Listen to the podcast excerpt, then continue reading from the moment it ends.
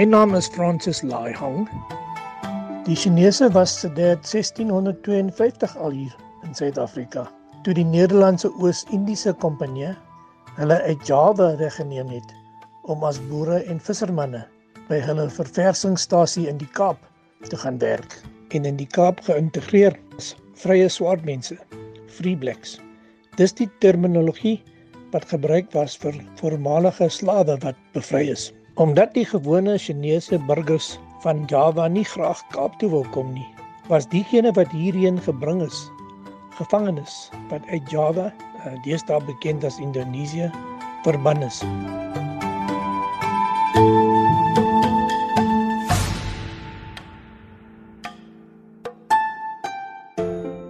Baie het ook hierheen gekom om die kloue van die kommunistiese regime te ontsnap. Diegene wat 'n beter bestaan in Suid-Afrika wil vind. Aangesien China destyds 'n baie arme land was. Dit was die tyd van die goud en diamante ontdekkings op die Witwatersrand. Die meeste van hierdie is gevangenes en is almal in 1910 na China teruggestuur.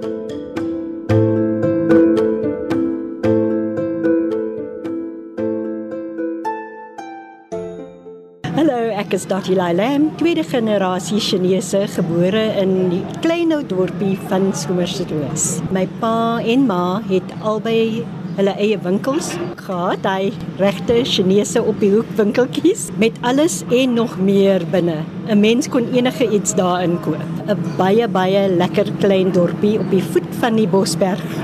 Ehm um, die kinders ehm um, saam wie ek groot geword het, was my bure ons het so lekker lekker saam gespeel, hardloop oor oor die straat as so iemand se verjaarsdagpartytjie is, lekker koek geëet op die kombuisvloer nogal.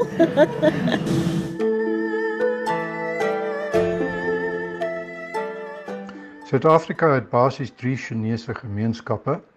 Die oorspronklike Chinese wat dekades lank hier is en in alle sinne Suid-Afrikaanse burgers is, uh wie Afrikaans of Engels of inheemse taal magtig is, wie se kinders hier gebore is en groot geword het en hulle is meestal in kleinhandel, van hulle is in finansies en baie van hulle is informele uh informele handelaars.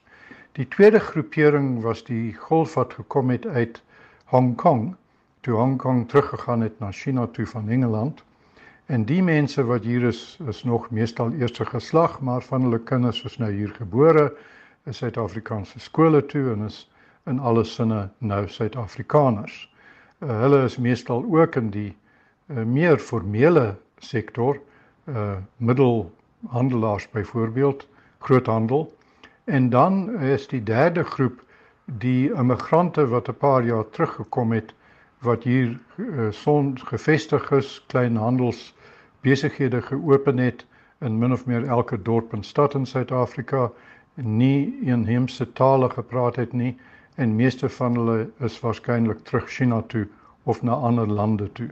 Maar daar is van hulle wat oorbly en is hulle se derde groepering Chinese bevolking. Die tweede golf van Chinese wat in Suid-Afrika aangekom het, was die kontrak of inneemsarbeid wat gedurende die 19de eeu na die Kaap en Natal gebring is.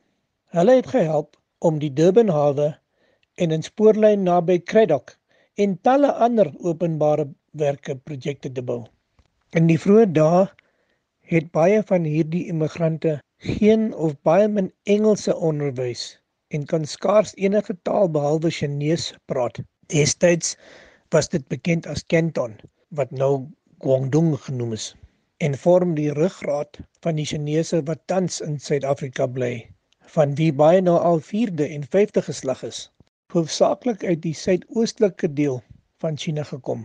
James Toy is ook 'n tweede generasie Chinese Suid-Afrikaner en sy ouers was juis van die suide van China. En sy het dit man reg gepraat. Hy het Cantonese gepraat want ons my pa en ma het van Cantonese gekom en uh, sy het van China. En ons het in Kleersdorp. My pa was 'n boer daar. Hy het 'n klein plaasie gekoop en my my my ma was in 'n groentewinkel waar op die plaas sonder woord af wat Afrikaans praat. Jy moet net jou vinger wys wat jy soek. die deel van die inheemse Chinese gemeenskappe wat in die informele sektor opereer. Dit wil sê in informele markte, strate, in agterplase, in huise in lae-inkomste gebiede, spaarse winkels en so meer, is ongelukkig die teken van xenofobiese en rasse-aanvalle word nie aanvaar as Suid-Afrikaners nie, word beskou as onwettige, eintlik meeste van hulle is wettig, onwettige immigrante en dis 'n bron van konflik en iets wat baie lelik in Suid-Afrika is en wat gewoonlik plaasvind sonder dat daar baie media dekking daaraan gegee word. As jy 'n Chinese persoon was in die ou Suid-Afrikaanse Republiek, aangesien hulle as kleurlinge geklassifiseer is, was hulle onderworpe aan al die rassewette wat op swart, Indiërs en kleurlinge in Suid-Afrika van toepassing was. Toe Chinese bakkers hul gebak in Kaapstad verkoop, het Nederlandse bakkers gekla oor die onbillike mededinging en 'n spesiale ediek is in 1727 as 'n gevolg uitgereik wat die Chinese verhoed het om handel te dryf. Diskriminasie teen Chinese is al 300 jaar in feit in Suid-Afrika met al die wetgewing en die toepassing daarvan in ag genome, het 'n ander realiteit in gemeenskappe waarvan die Chinese gesinne deel was, plaasgevind. 'n Chinese kultuur vervleg in die reënboognasie. In ons gesin het ons eintlik soos boere groot geword. 'n Baie westerse kultuur en nie eintlik so Chinese nie, want in die klein dorpies het ons maar soos Afrikaanse groot geword al die vriendinne wat om ons gebly het is Afrikaans sprekendes. Ja, die mense om ons is wit mense en bruin mense, so ons het maar almal so net so saam groot geword. Um, ek het eintlik die Chinese kultuur gemis want as ons by my ouma is, dan eet ons nou met chopsticks en ehm um, Chinese kos, maar in ons huis het ons regtig soos boere groot geword.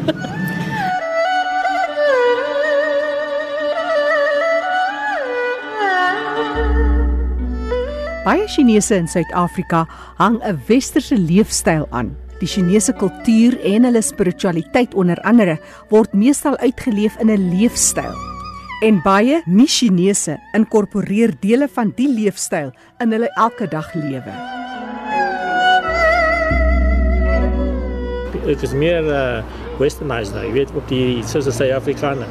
Maar ons gaan nog erger met die goed wat my ma gelos Net is vergeet van hulle nie. Ek self met my spiritualiteit brand ek incense en ek het selfs 'n singing bowl, wind chimes wat ek die lig meer skoon maak. So dis my uitleef van my spiritualiteit. Ek hou van die boeddhiste styl van lewe want dit is eintlik 'n lewenstyl en nie iets wat 'n mens volg nie. En ek onthou my auntie um, sy het elke oggend um, incense gebrand en daar was klein statuette. Ek dink dit was die god van prosperity of um, good fortune.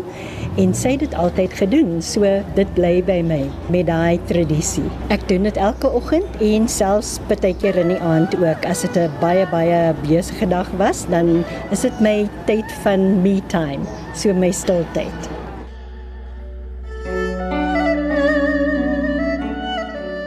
Dis Dr Abel Pinar, Suid-Afrikaanse filosoof, beraader en skrywer en ook direkteur van die Sentrum vir Eie Tydse Spiritualiteit wat ons meer vertel oor die eeuoue Chinese kultuur en van die tradisies daarin. Die Chinese spiritualiteit is basies op 3 bene gebou dis die ehm um, Taoïsme, Boeddhisme en Confucianisme. Waar die Taoïsme se primêre ding gaan oor vloei, dat ehm um, jy saam met alles moet vloei, daar moet harmonie wees. Confucianisme is eintlik waarop hulle sosiale struktuur bou en in Confucianisme gaan dit meer oor waardes. Familie is baie belangrik. Respek is baie belangrik en natuurlik eenvormigheid om jou identiteit te behou. Familie is baie belangrik vir hulle alhoewel dit goeie waardes is hierdie en hulle sosiale struktuur raak hulle nie regtig deel van 'n land nie nê nee. hulle behou hulle harmonie en eervormigheid so hulle sal in 'n land inkom reg oor die wêreld hulle is baie hardwerkend so respek is vir hulle baie belangrik maar hulle sal nie noodwendig integreer in die land se identiteit nie. En die eenvormigheid is nadelig in die opsig dat hulle sal stil bly oor goed waaroor hulle eintlik moet praat, maar uit respek wil hulle eenvormig bly. In ons huis was die manier van groet nog baie streng. Ek moet vir my ouer boetie, Kain genoem het, as ons nou na Antie se plek toe gaan, ons of my grootneef. Um, ek moes hom nie net wing roep nie, ek moes sê wing ko. So dit uh, was 'n teken van respek. Jy kan nie so sê net hallo want uh, dis maniere. Hulle sê jy, jy roep jou eie mense, daar's altyd 'n naam hoe jy hulle roep. En as jy nou die groot moet jy roep, is dit 'n kaing. Hulle sal hulle eie identiteit vestig. Jy kan dit nogal sien in hulle kultuur wat oral elke winkelsentrum het nou 'n Chinese winkeltjie wat op sigself ehm um, hulle goederes bemark en hulle ding bly. So hulle sien amper die land as 'n plek om te floreer maar vir die Chinese. So in daai opsig is dit moeilik om te sê alhoewel ek hulle spiritualiteit sien as baie waardevol en ons regtig baie kan help veral in ehm um, die probleme wat ons in ons land het baie keer om nie vir mekaar respek te hê en vir lewe respek te hê en in die dinge nie. Hulle gebruik en benut wat hulle kan tot hulle identiteit en vir hulle voordeel. Ja, die spin-off kan natuurlik wees dat dit tot ons voordeel kan wees maar dat ekonomies dit nie altyd is nie want die geld gaan weer terug. En in konfusisme is families ehm um, die hoogste waarde wat jy kan hê. So dit gaan oor hulle familie hulle opbou hulle oorlewing. Spiritueel kan ons baie by hulle leer van harmonie en om saam dinge te vloei. Nie altyd die ek voorop te stel nie. Maar die nadeel is dat uh, hulle baie keer dit so kan onderspeel dat die groter identiteit belangriker word jy weet dis hoekom ons sien die goed wat in Hong Kong gebeur. Ehm um, waar die Chinese nou inkom en sê hoor hierso daai demokratiese verstaan en elkeen sê sy eie ding en elkeen wil sy eie ding doen is nie tot die groter geheel goed nie en daarom sal jy ingeforseer word in die nasionale reëls of hoe ons dinge wil doen. En dis baie keer die nadeel dink ek van die Chinese se kultuur.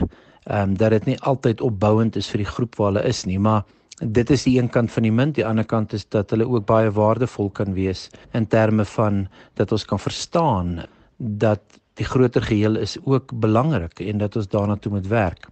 Ek dink ek is in 'n spesiale plek as Chinees groot word in Suid-Afrika, want ek het die beste van die twee wêrelds, die oos en die weste en ek kan daarvan die beste daaruit neem. Die grootste ding wat ek daaruit van die ooste kry is die werketiek. Hulle kan partykeers vir niks werk nie, maar dit is die passie vir die werk of die lewens of iets vir mense te gee of jou familie te ondersteun. In die ooste is dit baie belangrik vir die mense saam te bly. As as jou ouers um, oud is en kan nie meer werk nie, hulle bly nog saam met die um, seun of die dogter. Dit is 'n groot ondersteuning vir mekaar. Die Chinese kultuur het so deel geraak van baie ander se kulture. Dit is so vervleg in mekaar. Ja. Dit is so interessant om te sien hoe baie mense die oosterse kultuur nou embrace, want as 'n mens nou na die vleemarke toe gaan of na die tempels, is dit heeltemal 'n uh, 'n vast ehm um, kulture. Dis nie net ehm um, Chinese nie, dis Afrikaanssprekendes, Engelssprekendes, Italiaans, selfs Indiërs. Ek dink dit word 'n leefhuis. Ek het ook laughing Buddhas of 'n uh, travelling Buddha en nou en dan onthou ek om sy maagie te vryf. Ek sien my vriende doen dit ook. Ek het baie Afrikaanse vriende Hulle kom saam met tempel toe of ons vier um, Chinese nuwe jaar saam of ons gaan uit eet met uh, Chinese kos vir die laaste paar jare het dit almal op dis in Suid-Afrika alles het verander. Uh, soos die uh, Chinese nuwe jaar op uh, Chinatown het, die Chinese mense lyk vir my is minder as die uh, ander mense wat hier so kom. Jy soek vir die Chinese, daar's meer ander mense wat ook kyk, maar ek dink die beste van die Chinese kan maar sê jy daar's soveel kos wat jy kan wat jy kan. Hey, want soos wat my ma is nie meer nou nie want uh, sy is oorlede as ons iets wil hê, die tyd sê net vir my, ek wil hierdie kos wil hê. Nou kan ons nie hê nie. Alhoewel 'n uh, tweede generasie Chinese is in Suid-Afrika, is dit wonderlik om te sien hoe eintlik meer mense die Chinese kultuur embrace en ek dink hulle ken meer van die kultuur as ek self. ja, dit is so wonderlik om saam met my vriende ook die Chinese kultuur te vier. Ja, dit is baie interessant om te sien hoe hier in Suid-Afrika ook wêreldwyd wel die Chinese kultuur en hulle verstaan hulle filosofie, hulle spiritualiteit geïntegreer is. As jy nou dink oor die hele ding van akupuntuur, mediese verstaan van die liggaam, van drukpunte en gesondheid, meer 'n natuurlike verstaan van wat ehm, 'n um, mens kan gesond hou en gesond maak en hoe ons dit geïntegreer het al. Ja, hulle eetgewoontes, hulle kosse, selfs uh, die chopsticks, nê, nee, om dit te gebruik en hoe ons eet en dalk die respek wat omgaan in eet.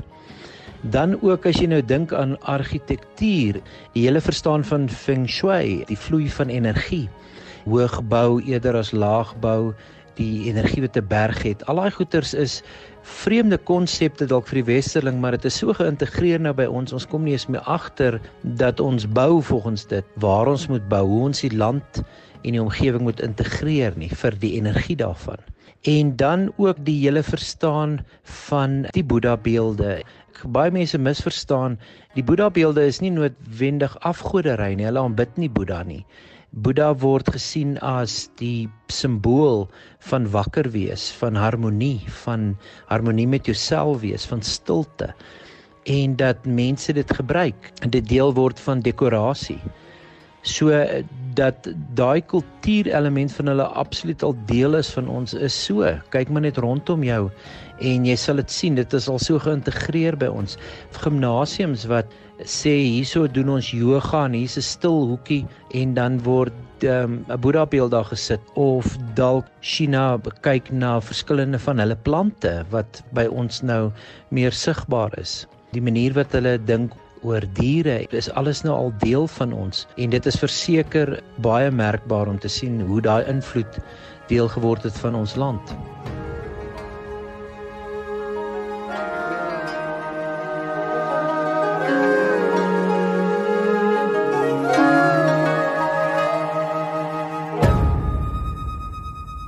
Ek is gevra oor China se toekomstige effek op die Suid-Afrikaanse ekonomie.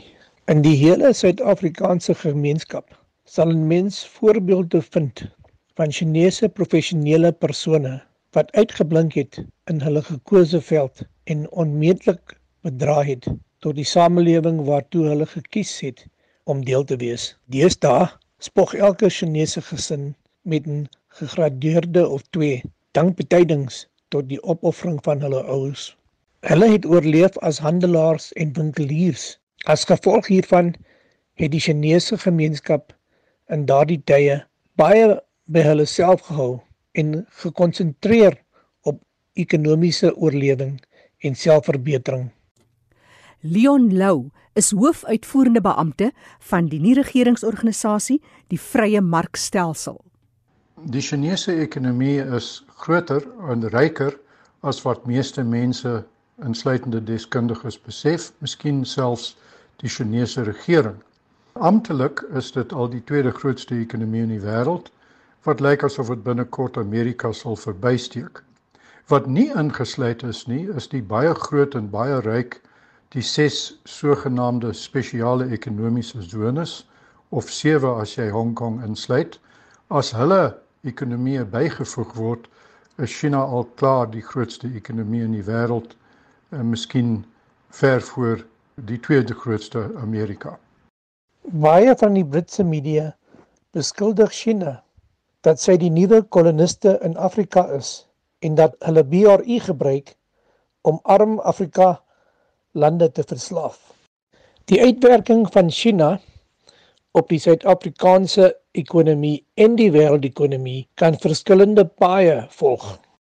Die rol van die Chinese ekonomie of Chinese beleggers in Suid-Afrika is belangrik weens dat Suid-Afrika een van die 6 of 7 verkose Afrika state is waarin China of hulle beleggers besluit het om belang te stel. Dit is al klaar groot, so groot dat daar wel mense is wat vrees dat Suid-Afrika deur China gekoloniseer word.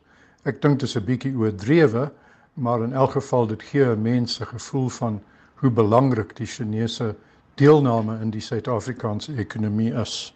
En wat is die langtermyn toekomsverwagtinge tussen hierdie groot moondheid, die Chinese ekonomie en Suid-Afrika?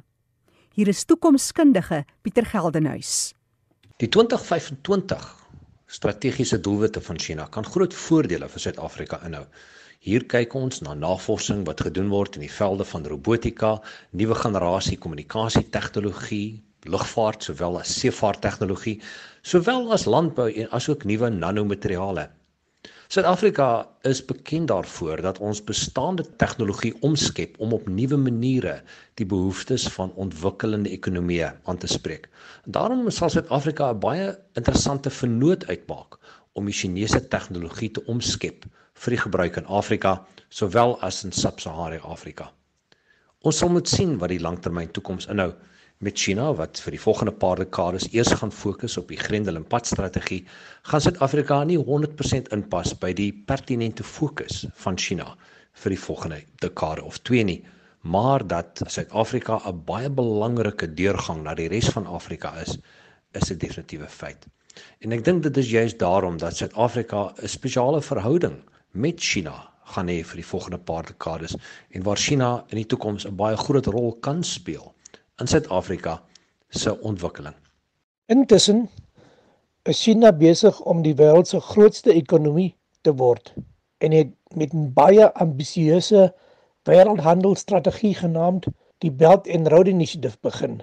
Hierdie soort gesamentlike strategiese inisiatiewe tussen China en sy BRI vernote stel uiteindelik lande op wat nie finansiering kon kry nie om ekonomies produktief te word en wat oral in Afrika, Oos en Sentrale Europa en in die Middel- en Verre Ooste plaasvind.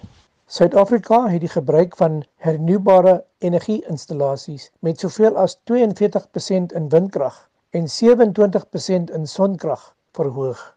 En hierdie getalle sal in die toekoms steeds groei met die samewerking van Chinese energiekonstruksiemaatskappye. Die stem daarvan Francis Lai Hong. Hy is die visievoorsitter van die beheerliggaam van alle plaaslike Chinese verenigings in Gauteng en ook die visievoorsitter van die Hong Ning te huis vir Chinese bejaardes. Afrika en veral Suid-Afrika maak 'n sleuteldeel van die ambisieuse planne uit waaroor die groot leier van die wêreld se naasgrootste ekonomie, China, so geesdriftig is.